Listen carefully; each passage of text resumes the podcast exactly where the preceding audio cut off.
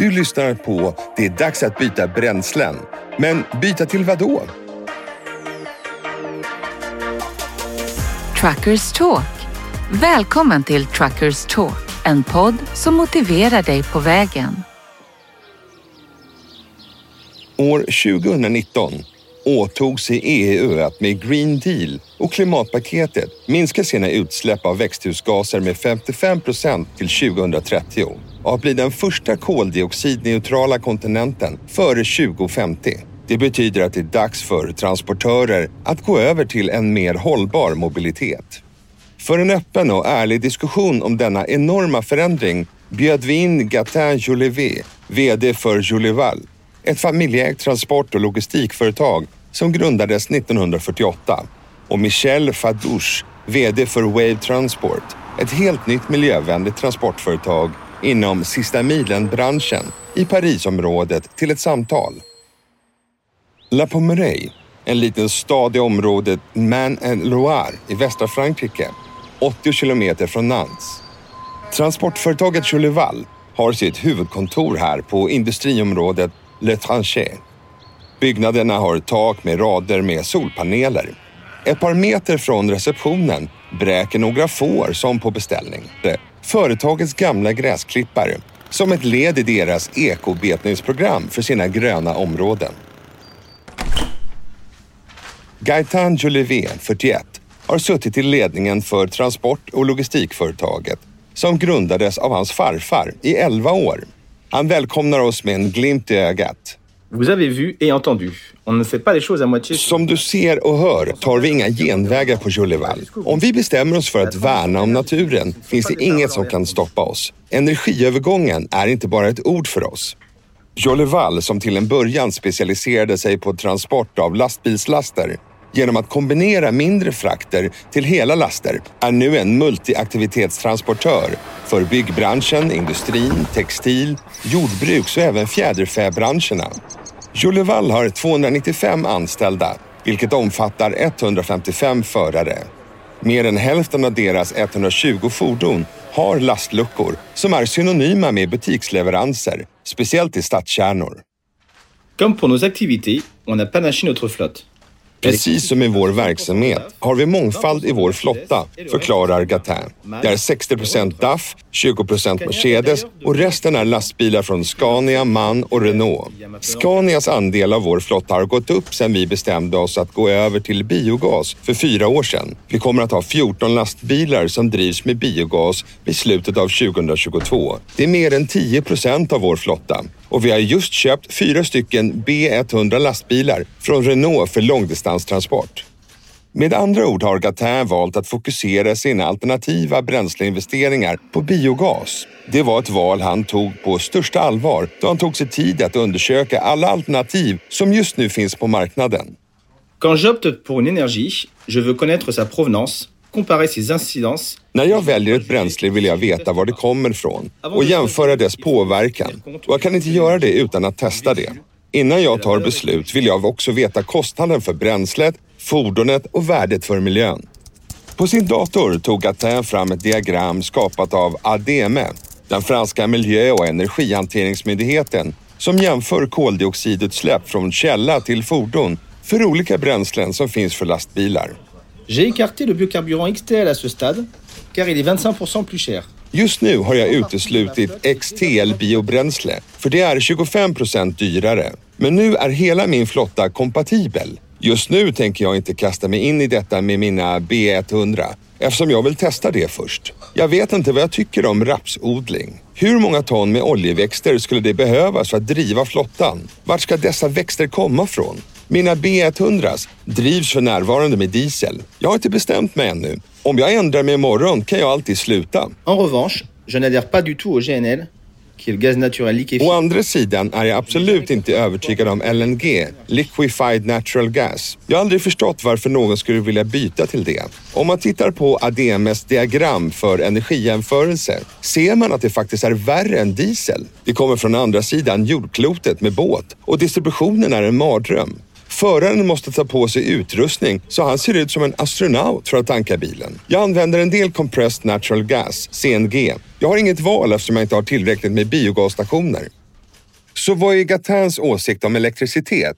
Ce qui me gêne le plus avec l'électrique, det de som stör mig mest om elektriciteten är att den inte kommer från förnybara källor. Och vad gör vi med uttjänta batterier? Elektricitet är uppenbarligen inte det renaste, billigaste bränslet inför framtiden. I Nanterre är Michel Fodachot, 37, VD för Wave Transport.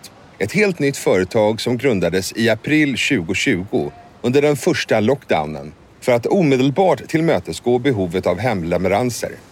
Hittills har Michel valt elektricitet för sin flotta på 6 kubikmeter lastbilar. On peut pas exactement parler de basculement vers une nouvelle énergie euh, pour nous, euh. I vårt fall kan man egentligen inte prata om att gå över till ett nytt bränsle. Tricket är att studera marknaden och förstå hur man undviker att hamna efter.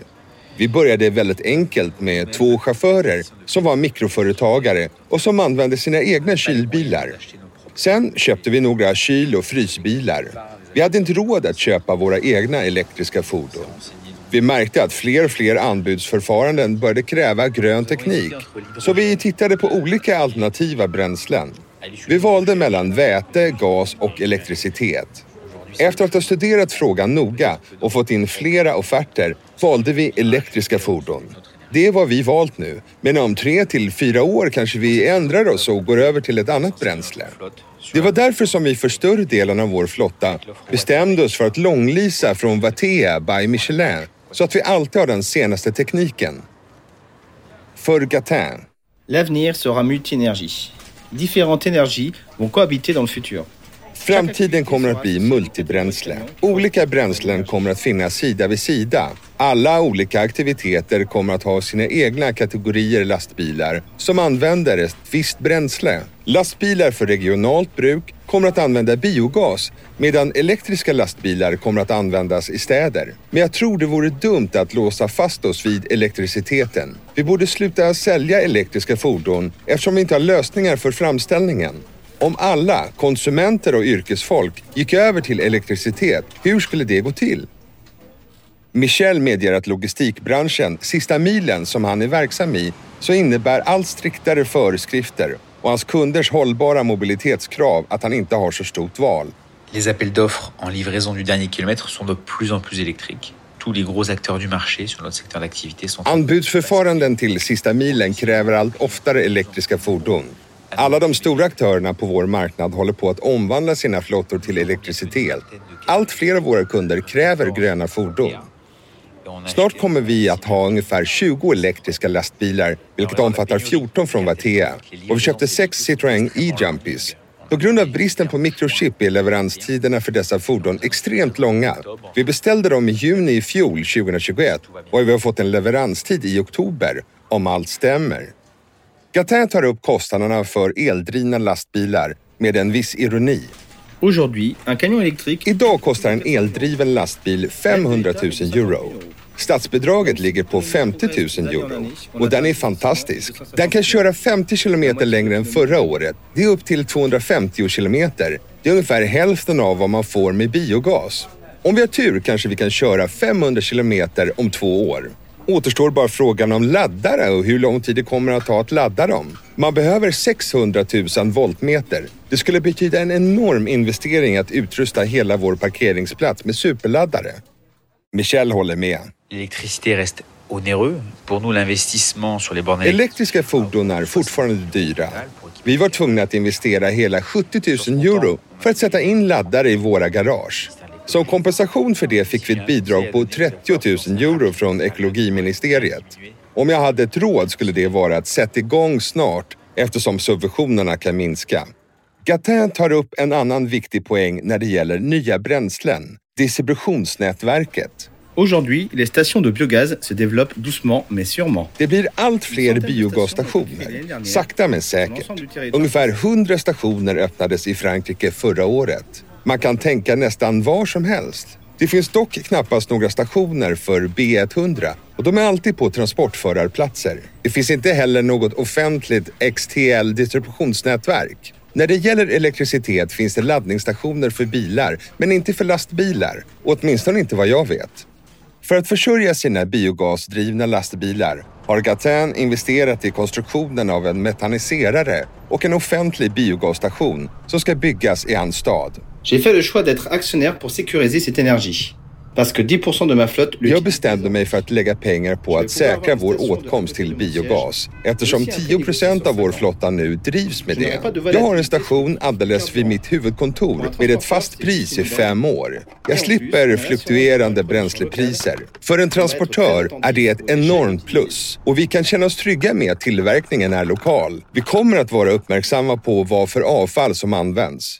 Hans har Michel följande att säga. Une recharge est nécessaire tous les deux jours à Paris. Vi behöver ladda dem ungefär varannan dag i Paris med förorter där de täcker i genomsnitt 100 kilometer om dagen. Utanför Parisområdet är genomsnittet närmare 150 till 200 kilometer om dagen. Det betyder laddning varje dag. Gatin lägger till Pour l'instant, je vais continuer à investir sur le Men just nu kommer vi att fortsätta att investera i biogas. Till skillnad från olja kommer vi aldrig att få brist på kogödsel och matavfall. En kort förklaring för oinvigda.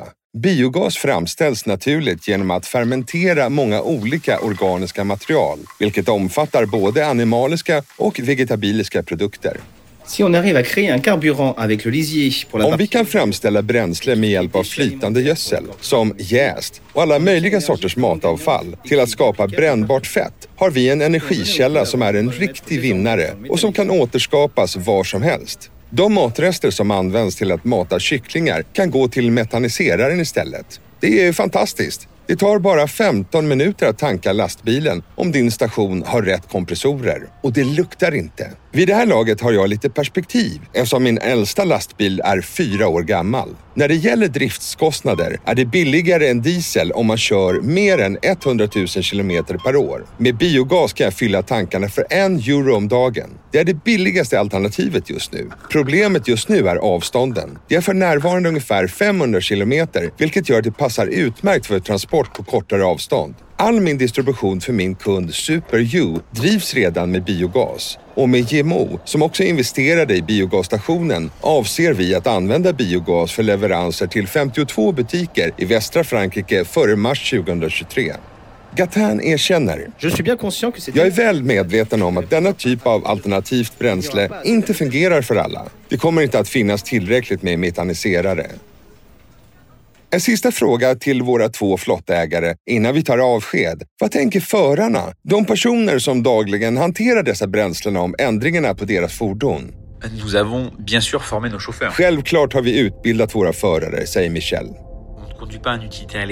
Man kör inte en elektrisk van på samma sätt som man kör en kylbil. Man måste spara batteri. Men tack vare den data och en applikation som tillhandahålls av Atea kan förarna hantera avstånden för sina fordon. Våra lastbilschaufförer gillar att köra dessa nya lastbilar, tillägger Gatin. De uppskattar dem verkligen eftersom de är väl medvetna om miljöaspekten. Michel sammanfattar filosofiskt. Nous sommes conscients de l'empreinte euh, écologique liée à notre activité. Vi är väl medvetna om den miljöpåverkan som vår verksamhet har. Det är därför vi bara ska använda miljövänliga transporter. Vi lever alla på samma planet och om vi kan undvika att tömma den helt på resurser vore det helt fantastiskt. Du har precis lyssnat på Truckers Talk, en podd från Michelin for My Business. Mediet som sätter transportentusiaster som du i centrum av sina nyheter. Vi ses på vägen och följ oss på business.michelin.co.uk i avsnitten Michelin for My Business.